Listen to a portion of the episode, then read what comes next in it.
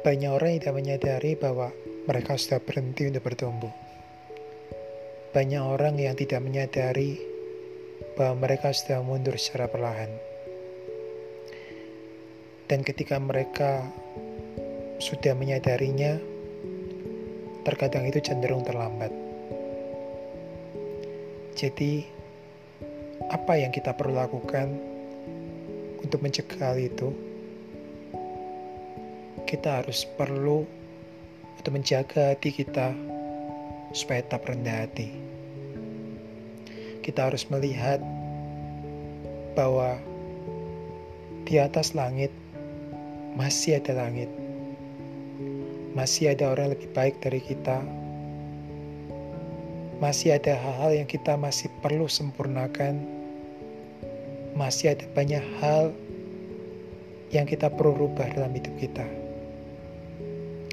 lihatlah orang lain sebagai pribadi yang lebih baik dari kita. Lihatlah orang lain sebagai sarana untuk kita bisa belajar sesuatu yang baru. Kita diciptakan tidak hanya tentang kelebihan, tetapi juga tentang kekurangan. Ketika kita bisa melihat kelebihan diri kita, itu baik tetapi itu tidak akan terlalu baik sampai akhirnya kita juga bisa melihat kekurangan kita.